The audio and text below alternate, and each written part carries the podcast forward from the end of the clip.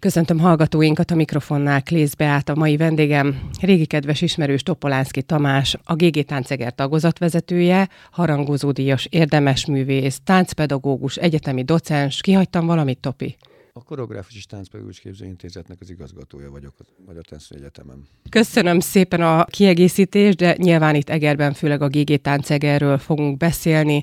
Egy picit, hogyha visszatekintenénk a kezdetekhez. Hány éve is, hogy a Gégi Táncegeregerben létezik? 12 és fél.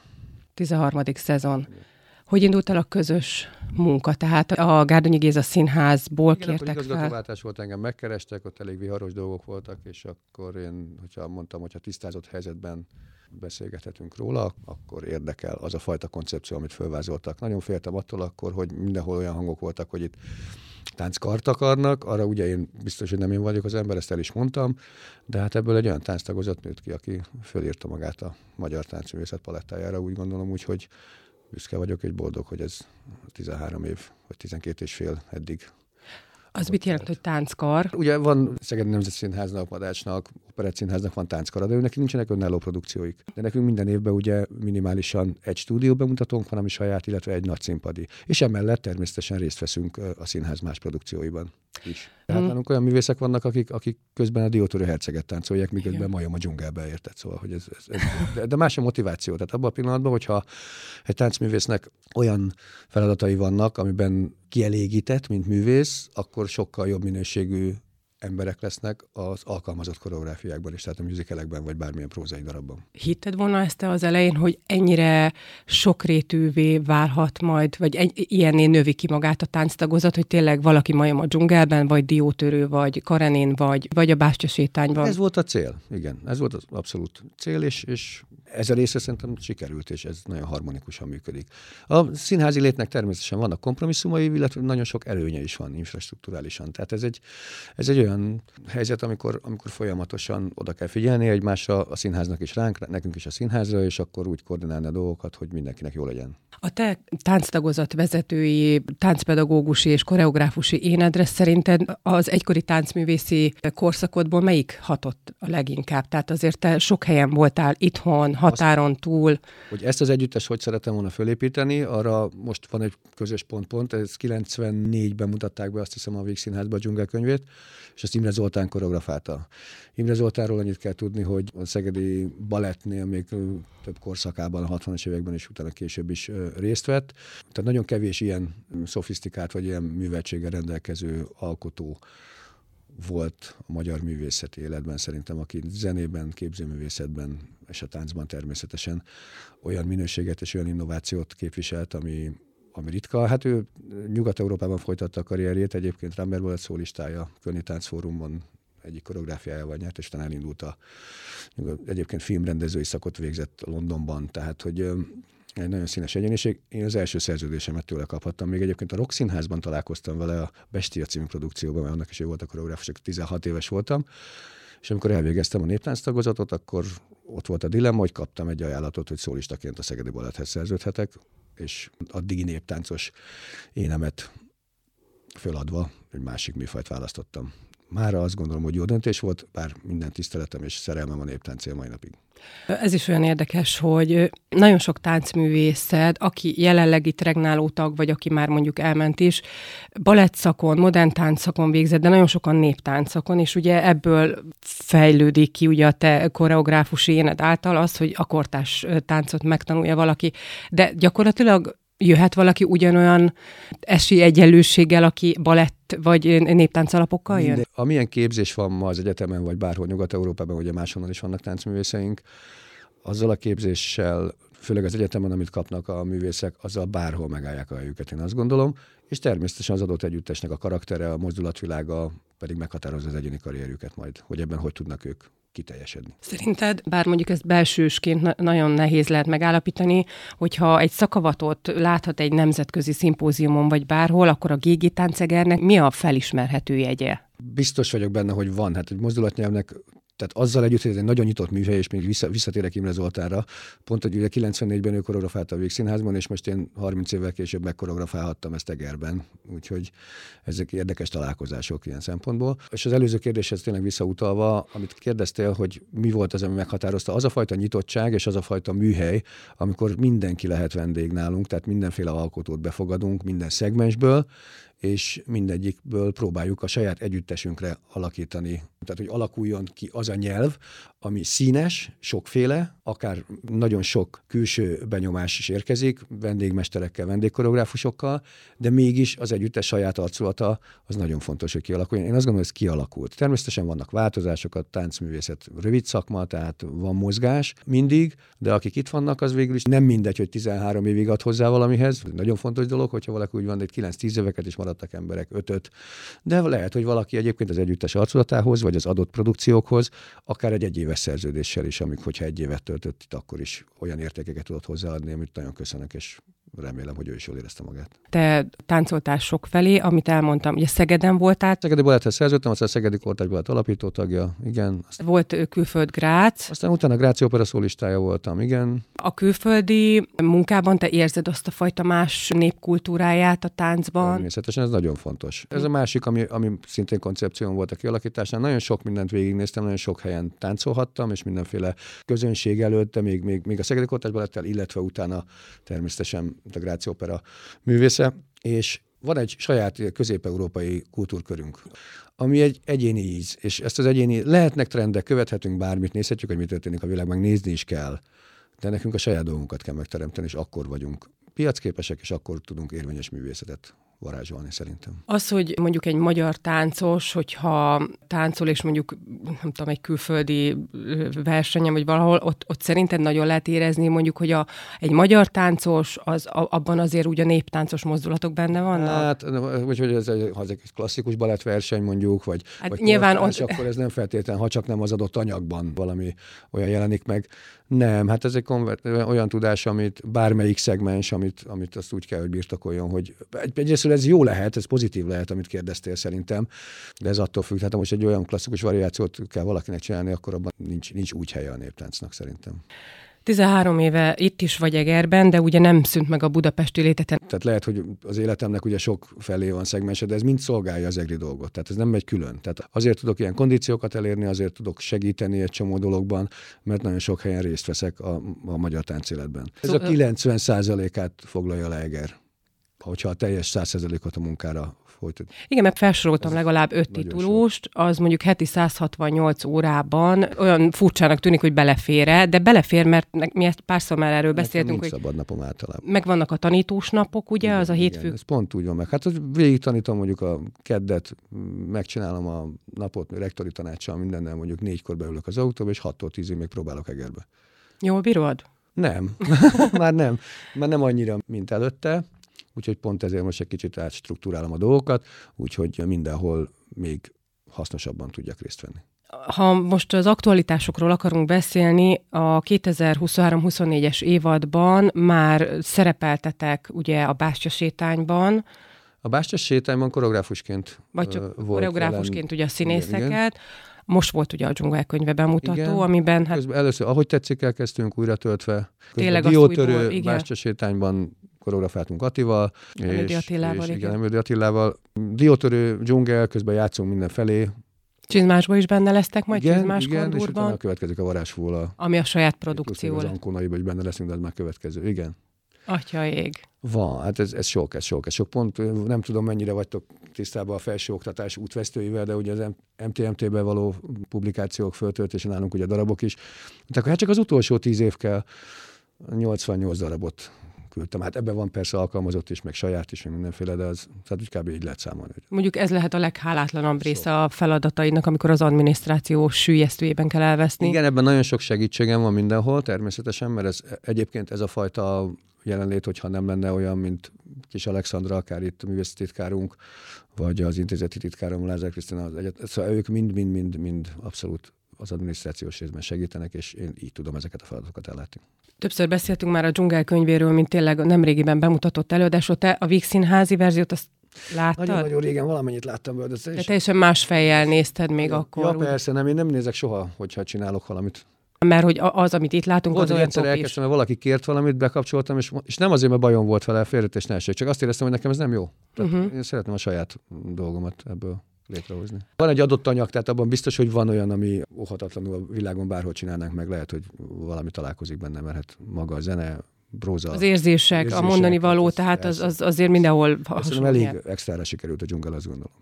Igen, és Topolánszki Tamásosra. Tehát, hogy én már azért például olyan régóta járok ide előadásokra, főleg táncot nézek, mert hogy a lányom táncolt, tehát óhatatlanul belecsöppentem ebbe, nagyon fel lehet fedezni. Az. Én, én már látom, pedig én nem vagyok szakember, és hidd el, hogy lehet látni színházba járó Ameddig ezek civilként. kézjegyek, ameddig ezek kézjegyek és megjelennek, akkor az együttes profilja is, úgy vagy van, reméljük, hogy nem unalmas mert az is fontos, és ezért is kellenek folyamatosan vendégek, mert azt én nem gondolom, hogy én hogy egyfolytában az egyetlen utat mutatják valakinek, kellenek különböző benyomások, mint amit mondtam, és akkor abból majd kialakul az ő kis művész egyénisége. Igen, sok koreográfus szoktál te is hívni, igen, akkor az Emődő Attila, akit már ugye korábban beszéltünk, sokszor asszisztenskedik, vagy akár már saját... Asszisztens, abszolút saját produkciót is. Ez is nagyon jó, hogy igen, az egri közönség ismerje meg más koreográfusnak a munkáját, Persze. tehát hogy nem, nem kell egy kézben tartani az egészet. Kettő még egy kézben van. Értette, ja. hogy mire gondolok. Igen, igen.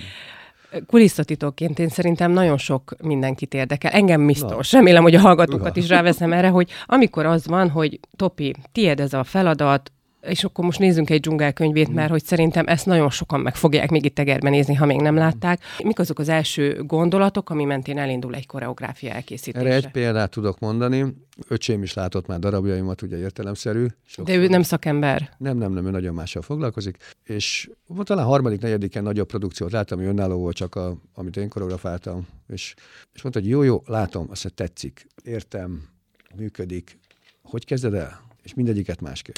Természetesen vannak alapvető meghatározó dolgok, a textúr, a szöveg, környezet, zene, elsősorban nálunk ugye a zene, ami nagyon meghatározó dolgokat, az adott témához, hogy honnan nyúlunk hozzá, vagy mit Az elejétől kezded el végig gondolni? Tehát nem mindig. Ja, ja, de az, az, az, az, végig, a végig, de nincs ilyen, hogy kronológiába haladnék, nem. vagy bármi. Uh-huh. Sőt, a próbaidőszak eleje a legkényelmesebb. Hát azért sokszor nem egyeztetési kérdések is vannak gondolva, hogy mikor ér rá egy színész, mikor érünk mi rá, mert mi is megyünk az, ha én beleszorulnék, hogy csak előről megyek, és akkor szépen végigcsinálom, az, az úgy nem menetelés. Tehát nem mondom, hogy nem volt olyan darab, amit abszolút a legelejéről kezdtem, és szépen végigvittem a végéig. De manapság, főleg a vidéki színházi létben, amikor ilyen szinten bemutatok, ugye hát bérletes közönségünk van, tehát nekik minden évben újakat és újakat kell produkálni.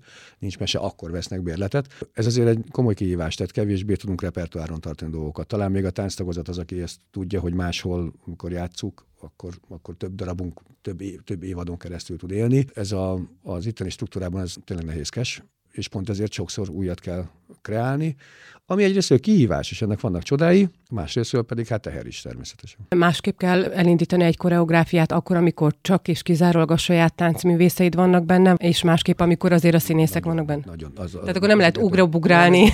Valamikor, hogyha eljutok a doktori munkámig, akkor pont ez lesz az egyik témája, hogy mi a különbség a táncművész és a színművész kondicionálás között akár egy darabkészítésnél, hogy már. Ez egy elég komoly téma, ami pedagógiailag is, meg művészileg is szerintem. Hát fizikálisan nagyon sok nyilván nagyon nem terhelhető sok. annyira, illetve mm. neki jobban kell koncentrálni a szövegre. Ez is meg emberfüggő is, de nagyon hát Biztos, kell. hogy van olyan színész, aki eleve mondjuk egy balettmúlttal rendelkezik, tehát azzal valószínűleg könnyebb is dolgozni, vagy néptáncos múlttal. I- igen, van, van mindenféle példa van erre. Az biztos, hogy abban a pillanatban, ha énekelni kell, azt a színészt is, meg a táncost is. Énekelni és mozogni együtt, az, az mindenkinek kihívás. Külön műfaj. Igen, és ráadásul most a dzsungelben a táncosok még beszéltek is hát, elég sokat. Bizony, bizony, bizony meg, meg olyan jelenlétük van, amire nagyon büszke vagyok, hogy így viczik ezt a dolgot, és egy nagyon közösen tényleg színművészek, műszakunk, tánctagozat, mindenki azt gondolom, hogy odarakta magát, és, és ez látszik a produkción, bár nagyon rövid idő alatt készült, ez be kell, hogy valljam.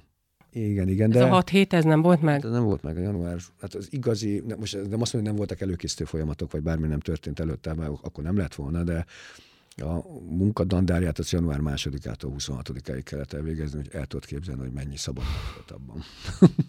Nulla. Akkor a csizmás kandúr, ami már nem tudom, hogy próbáljátok-e, ugyanannak lesz a következő bemutatója. Igen, de hát közben játszuk a dzsungelt, játszuk a diótörőt, úgyhogy próbálunk mindent. Egy táncos nem tudja összekeverni, hogy most... A lépéseket? Hogy... Hát, hogy most melyik előadáson vagyok hirtelen? Remélem nem.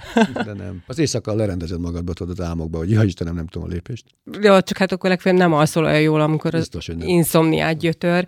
Hát a csizmás az meg megint egy gyerekdarab. Igen. Abban lassítani kell amúgy a tempón? Vagy általában egy gyerekdarabnál? Hát vagy, vagy még fölpörgetni, hogy Igen? Vagy, vagy még rövidebbre venni dolgokat, hogy a TikTok 12 másodperce az megmaradjon, mint befogadható anyag. Erre vigyázni kell. Pont ezért lassítani is lehet. A pedagógiai része az ott van, mindig sokat gondolkodunk rajta, hogy hogy tudjuk eljutatni hozzájuk, hogy élvezzék, és haszna is legyen számukra is. Visszakanyarodva a GG Tánceger működéséhez, ugye ezt is tudja az Egerbe színházba járó közönség, hogy a, a tánc összetétel eléggé változik. Talán nem Ödi Attila, mint alapítótak, akinek a nevét sokszor említettük, aki a kezdetektől itt Igen. van. Lányok. Volt a 9-10 évet.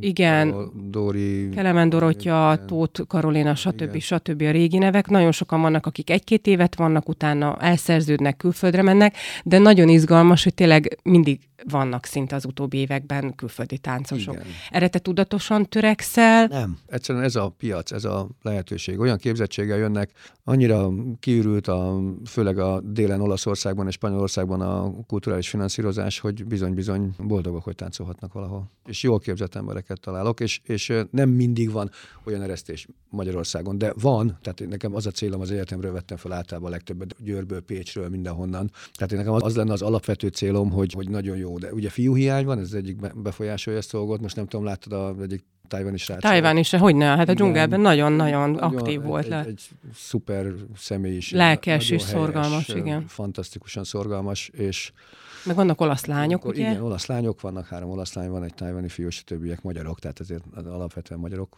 vagyunk, és hát más kultúrákkal is találkoznak ők, és én ugye voltam Grácsban, ott 26 főből 18 féle náció volt, tehát ezt megszoktam, ezzel nincs gond. A cél az, hogy, hogy a magyar táncművészet menjen, de ez egyáltalán nem baj, hogy találkoznak külföldiekkel, és sőt, ez szerintem jó. Na, ők mit csinálnak akkor, amikor egy produkcióban a, a magyar néptánc alaplépéseit hát, kell? Igen, hát ezek külön folyamatok. Nagyon pozitív példáim vannak, ahogy szépen hosszabb idő hozzá kell tennem. Tehát az hosszú idő, de nagyon sokan nagyon jól elsajátították ezt a dolgot, úgyhogy meglepő számomra is, és jó.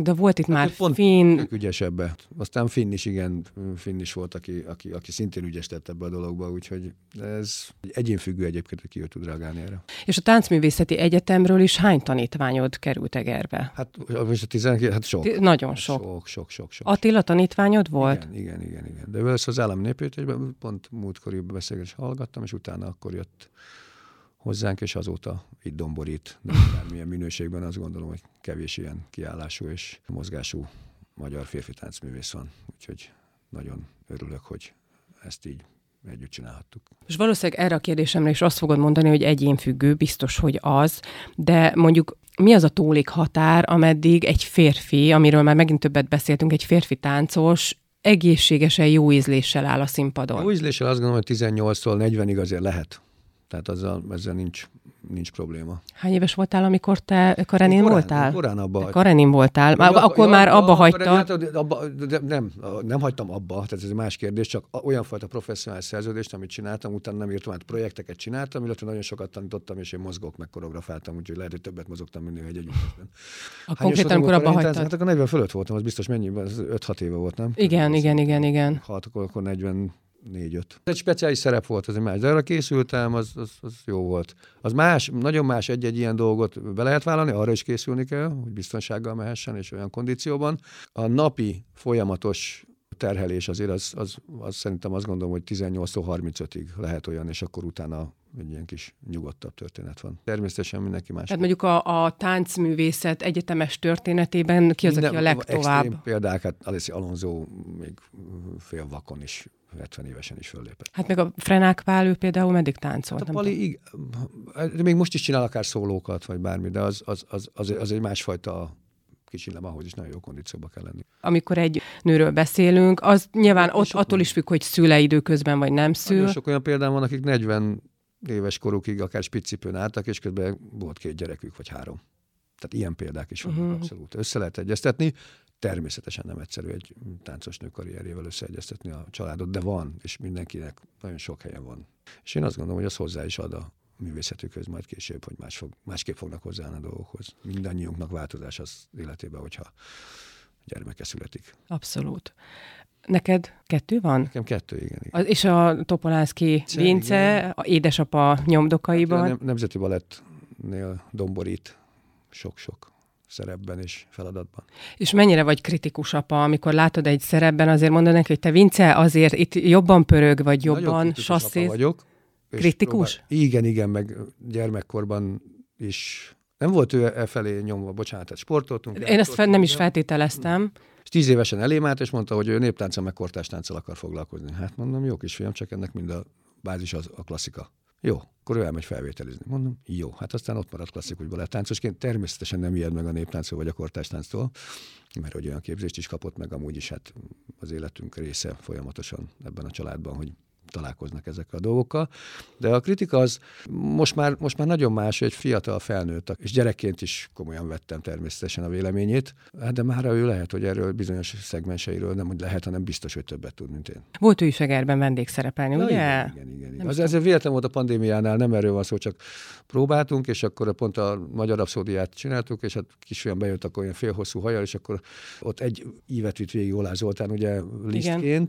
és akkor megbeszéltük, Zoli is mondta, hogy hát most annyira nincs tréning, minden, és akkor, akkor ő, ő csinálta az idősebb részét Liszt életének, az elejét meg a végét. A fi- Vince meg a fiatal, a, fiatal a, a, szerelmeket pedig a lányokkal azt a Vince csinálta, mert hát egyszerűen predestinálva volt kinézetre is, meg technikában is, hogy ezt. Egy szabadtéri verzió volt, tehát amúgy is ki kellett váltanom dramaturgiák más dolgokat, úgyhogy uh-huh. jól sikerült, azt kell mondjam. De nem nyomatom a családomat ilyen szinten sem. Nem, nem is feltételeztem egyáltalán. És a másik gyermek? Másik gyermek, hát ugye teljesen más vonal ilyen szempontból, ő, ő a lovak szerelmes. De sportol, tehát azért a sport. Sportol, persze, igen. természetesen. A mozgás az, az alapvetően jó formájú, helyes fiatal felnőttek. És ugye még az egyik titulusodba visszakapaszkodom, ugye úgy, hogy táncpedagógus, de hogy ugye egyetemi docens vagy, azért az már egy fokozatot jelent mindenféleképpen a, a felsőoktatásban, és azért mondtad az előbb, hogy a doktorit, ezt komolyan gondolod, hogy te tervben van? Nincs mese, hát minősített oktatók állnak. Ugye nekem a díjaimmal megvan a valószínű, hogy Igen. az egyik rektor hívott még be, hogy jó, hát az egyszerűbbbe kell kezdem, hogy mindenkinek képezni kell magát folyamatosan. Nekem is, meg mindenkinek az élethosszígtartó tanulás van, nincs, nincs kérdés.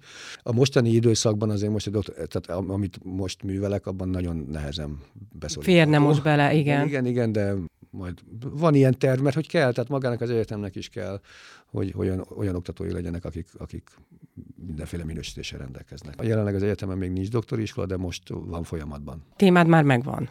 Igen, a témám megvan, de... De hogy te ezt még... te konkrétan így gondolod, hogy, hogy tényleg így összehasonlítani, hogy a tánc... Hát, szerintem ez nagyon érdekes dolog. Hát hogy ne, meg szerintem nem sokan és kutatták. használható ez később arra, hogyha valaki esetleg ilyen helyzetbe kerül, hogyha szeretne Akár egyetemi jegyzetet készíteni belőle. Persze, azért nagyon visszanézve voltak olyan szakdolgozataim, amit mára tulajdonképpen azok a rendszerek vannak, amiket akkor fölépítettünk egyfajta fantáziába, hogy mi lenne a jó.